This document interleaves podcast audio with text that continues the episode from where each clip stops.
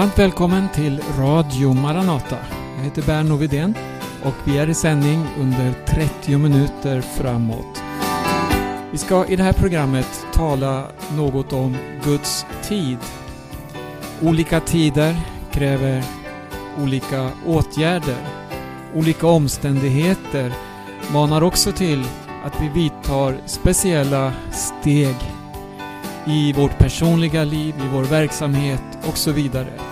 Och idag lever vi under väldigt speciella omständigheter.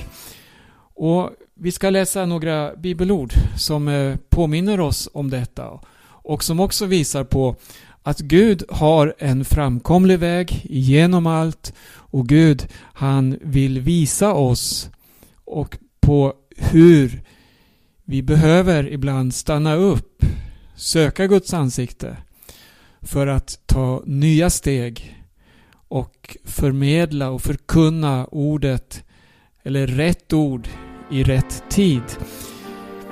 Ja, det är något av det jag tänker ta upp i det här programmet. Vi lyssnar nu till en sång först. Finns det korsar för tunga att bära blir prövningen stund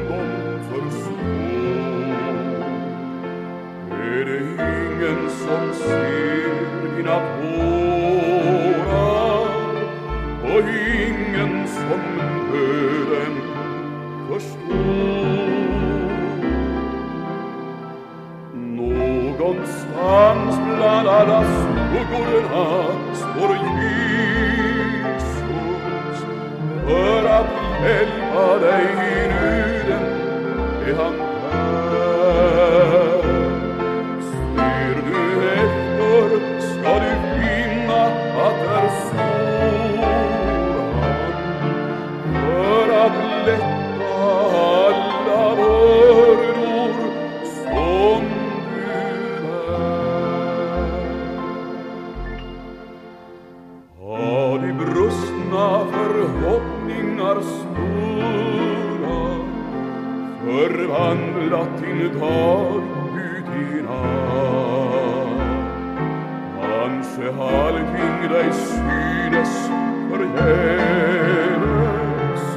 och trons låga flända så allt.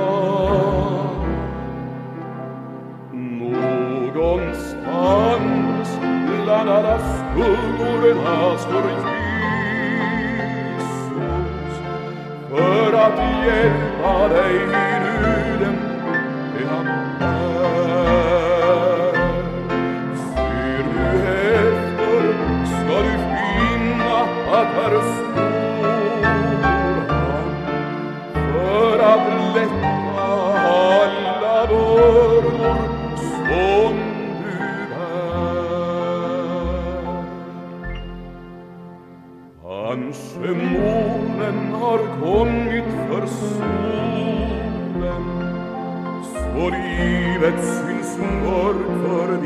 by.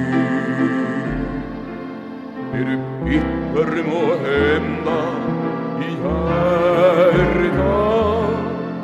att drömmer om lycka slog fel?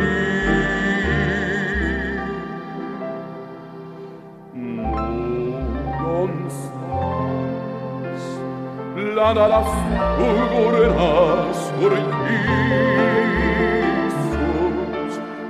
att hjälpa dig i nöden är han. Ser du efter ska du finna att här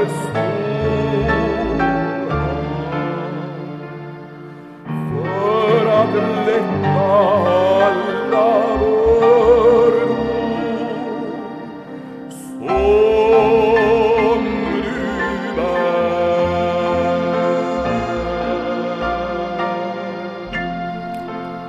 Sången vi hörde här framfördes av Gösta Karlsson.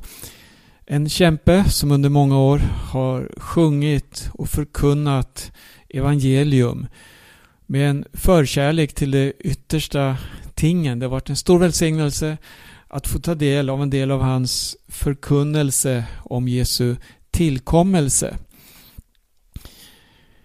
Guds tid, det var det som jag nämnde inledningsvis som innehåll för det här programmet.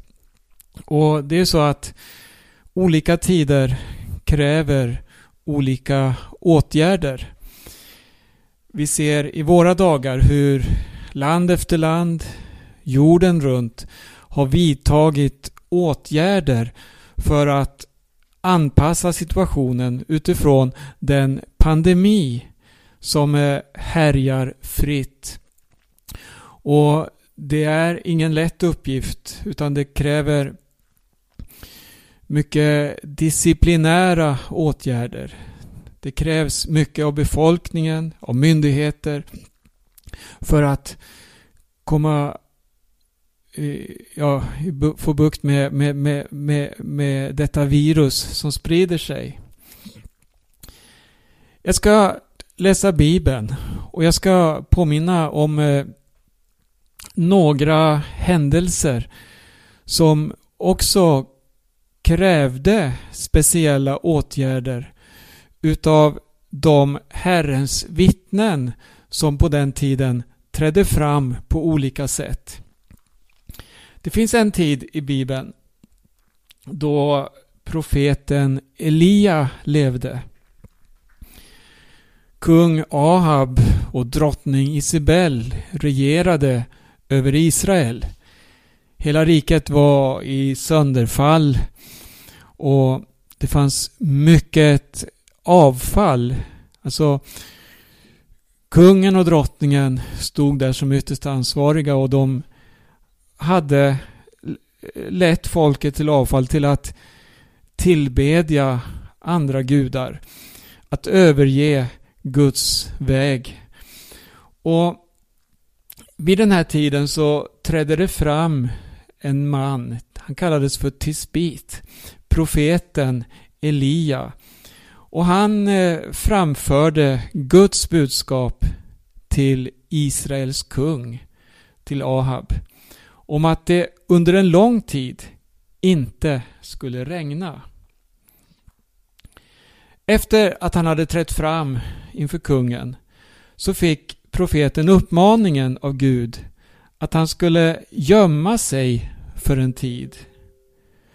Först så kom han till bäcken Kerit där Gud hade befallt korpar att förse honom med mat. Varje morgon och varje kväll så kom de med bröd och kött till honom. Vatten fick han ifrån bäcken.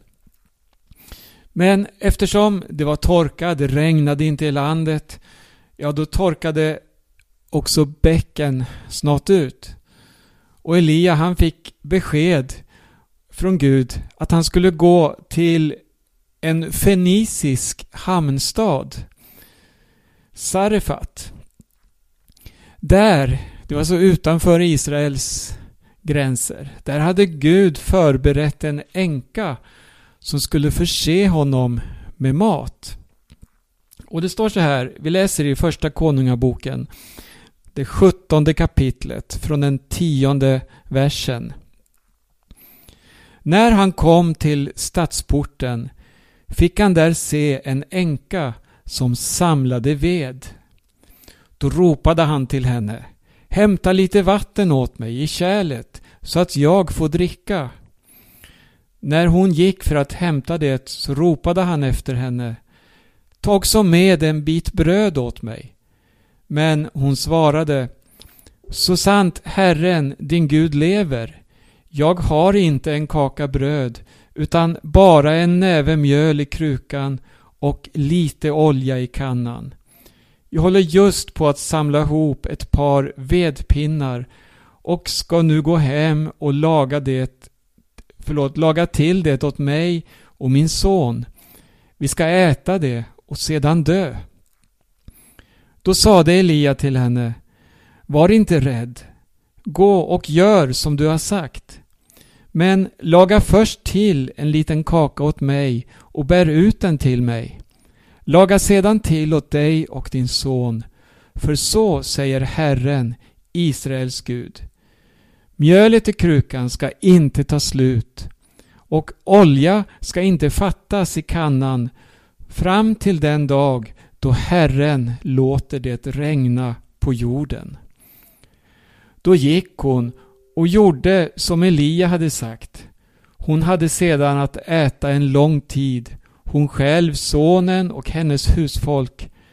Mjölet i krukan tog inte slut och olja fattades inte i kannan enligt det ord Herren hade talat genom Elia. Under mer än tre års tid rådde det torka i landet. Och hela landet det led väldigt svårt. Nöden den gjorde att kung Ahab han började söka efter Elia med ljus och lykta. Överallt. Det fanns inte en plats, inte en stad dit han inte hade sänt eh, sina soldater för att hitta Elia. Han ville ställa honom till svars för den olycka som hade drabbat dem. Men faktum var ju att det var kungen själv som var orsaken då han, driven av sin hustru drottning Isabel med öppna ögon och berått mod övergivit Guds väg. Vad gjorde Elia? Det står inte så mycket om den här tiden men han bidade. Han inväntade Guds tid. Och den här bilden är så oerhört viktig för oss. Elia, han drog sig undan på ett sätt. Vi förstår av Elia att han levde i umgänge med Gud. I en innerlig gemenskap, i en bönegemenskap. Och sen när tiden var inne så var Elia väl förberedd.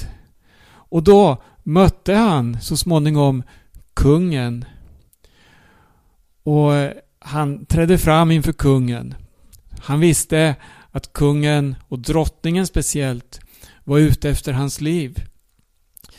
Men eh, han visste nu också att Gud hade en speciell tid och en speciell uppgift som han skulle få vara redskap för. Och jag tror att det här är något vi kan överföra också i våra dagar. Vi befinner oss i en situation som saknar motstycke i den historia åtminstone jag känner till.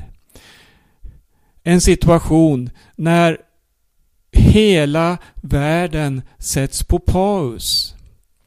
Människor de eh, bokstavligt slits ut ur sina sammanhang och tvingas att hålla sig hemma, att dra sig tillbaka.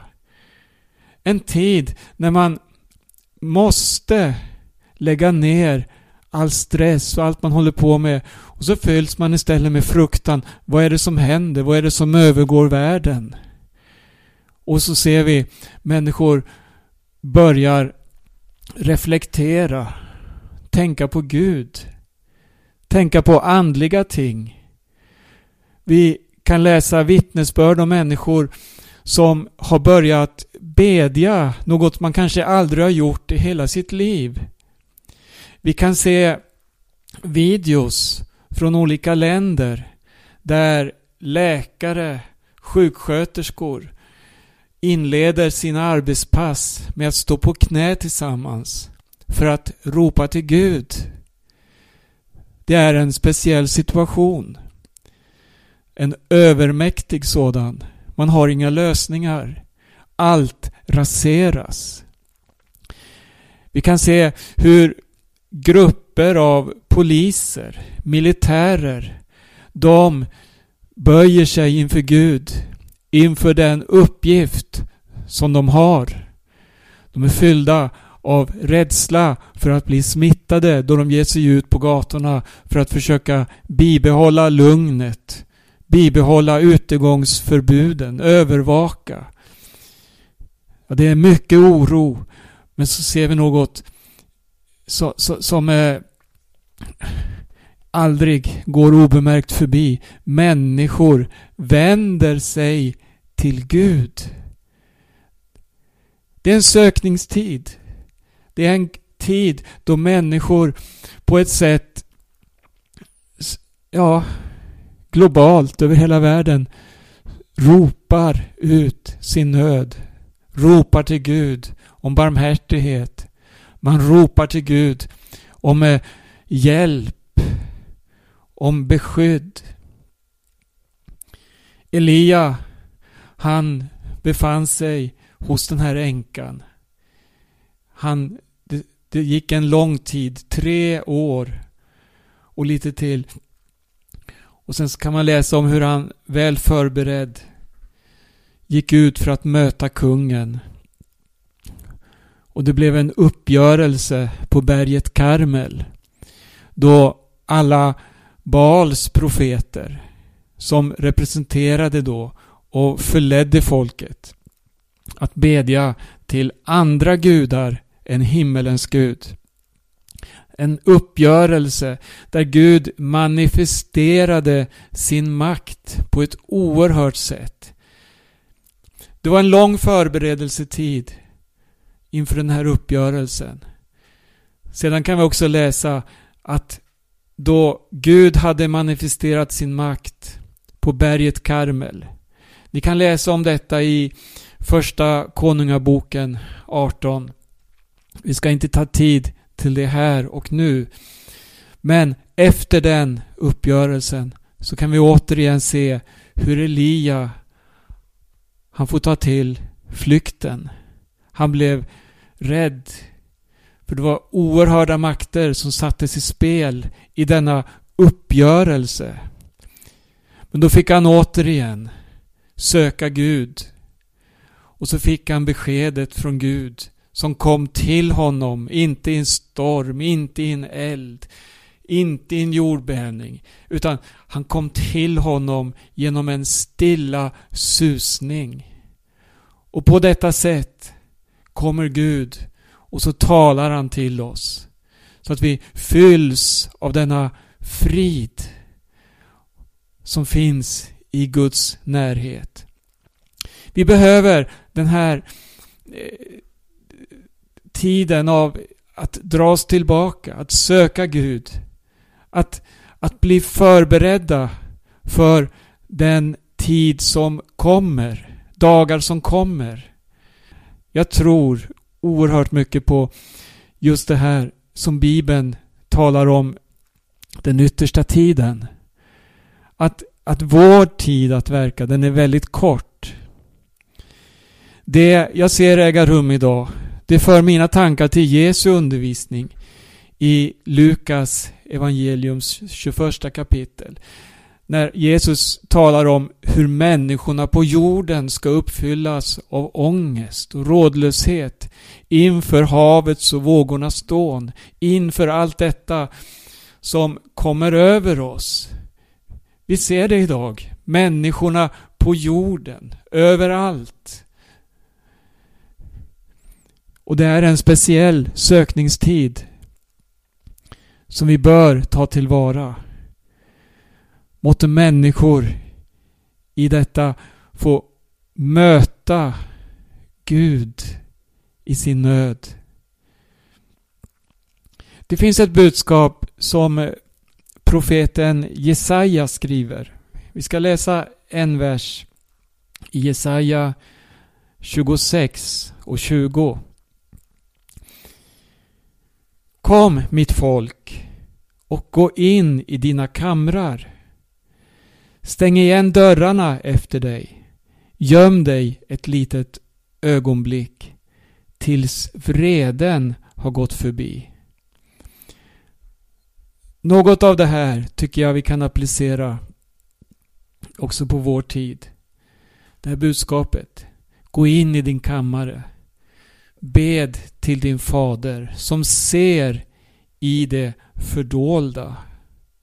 Där får vi kraften. Där får vi den eh, inspiration vi behöver. Den vägledning vi behöver för dagar som kommer.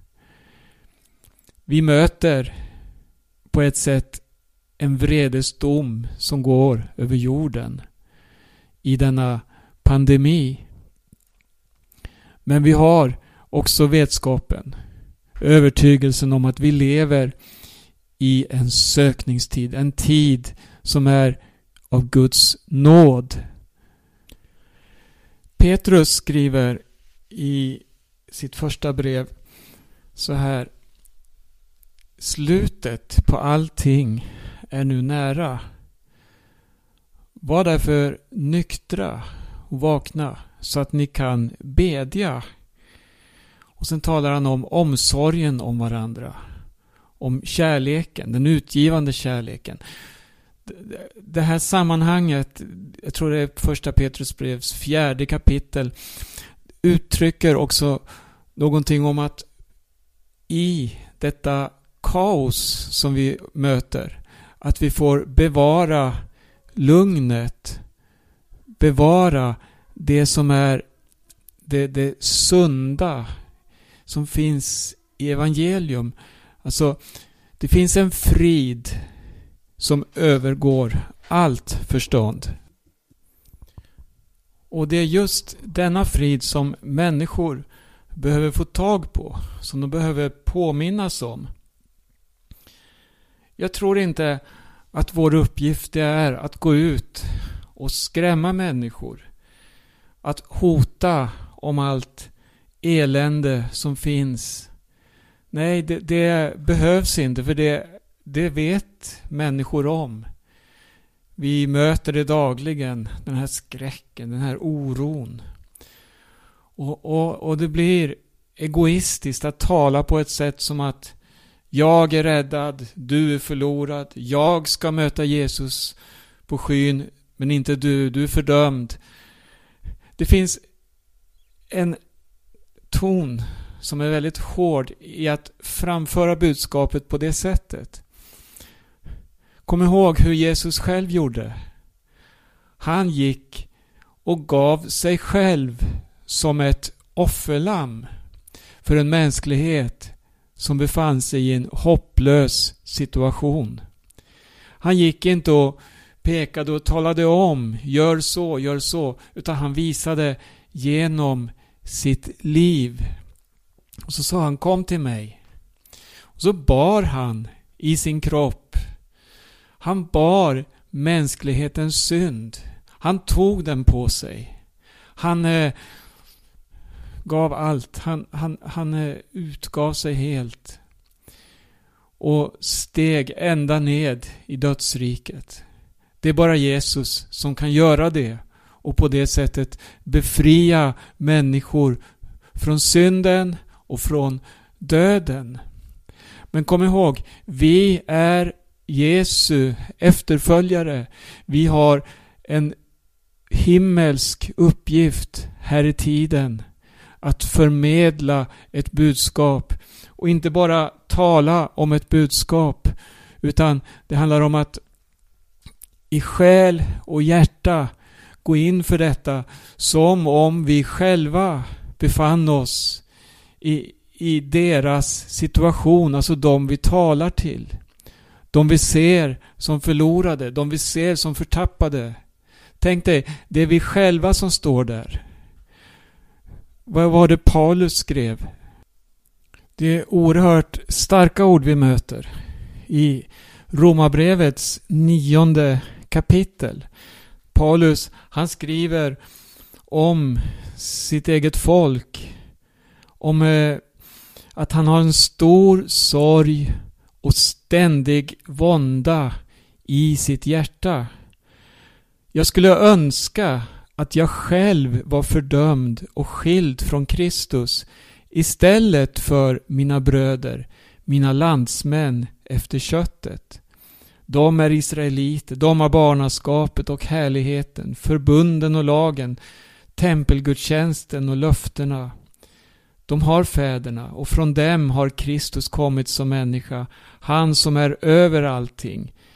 Gud välsignad i evighet. Amen. Så här uttrycker han sig alltså när han tänker på sitt eget folk. Jag skulle önska, han, han ställer sig själv i gapet. Det är inte så att vi ska lämna Gud, att vi strävar efter att gå förlorade. Nej, men måtte Gud fylla oss med denna utgivande kärlek till vår nästa. Att vi ser på människor som om vi ser på vårt eget liv. Tänk dig själv att leva utan Gud och utan hopp här i världen. Tänk dig själv mitt under denna pandemi, mitt under detta globala kaos, mitt under denna skräck många lever i. Att inte ha Gud, att inte ha det eviga hoppet. Herre, fyll oss du med denna utgivande kärlek, med denna nöd för människor, så att vi kan sträcka oss längre fram. Så att vi kan vara mer utgivande. Hjälp oss Herre att använda denna tid av isolering, av karantän, av vad det vara må. Men att vi använder den för att söka ditt ansikte, bli fyllda av din Ande och vara redo för mötet med människor så att vi får framföra ett budskap till ett folk som ropar och söker efter mening, efter lösningar. Precis som man ropade under Sodoms tid. Gud steg ned. Människorna ropade ut sin nöd men man visste inte vart man skulle vända sig. Men Gud, han hörde deras rop. På samma sätt hör Gud människor. Och vi beder för vårt folk, för vårt land. Vi beder för alla ungdomar, alla äldre. Vi beder för alla som i dessa dagar befinner sig i detta globala kaos. Gud, han kan ge människor frid. Det är en sökningstid och vi vet inte om detta är den sista innan Jesus kommer tillbaka. Mycket talar för det. Men det vi vet, det är att tiden är dyrbar, tiden är kort. Så du som inte har tagit emot Jesus, sök dig till honom. Låt honom få fylla ditt inre med frid. Det säger inte att vi blir fria ifrån allt som övergår jorden, men vi har en bestående frid i Jesu namn. Det namn som har övervunnit döden och all fruktan.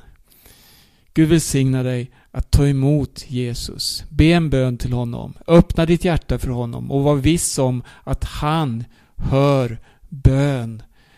Han lyssnar till dina böner, till ditt rop. Jag heter Berno Vidén och jag gör program här på Radio Maranata. Nu är sändningstiden slut för den här gången. Välkommen att besöka vår hemsida maranata.se. Där kan du läsa mer om eh, församlingens arbete. Det går att lyssna till möten också.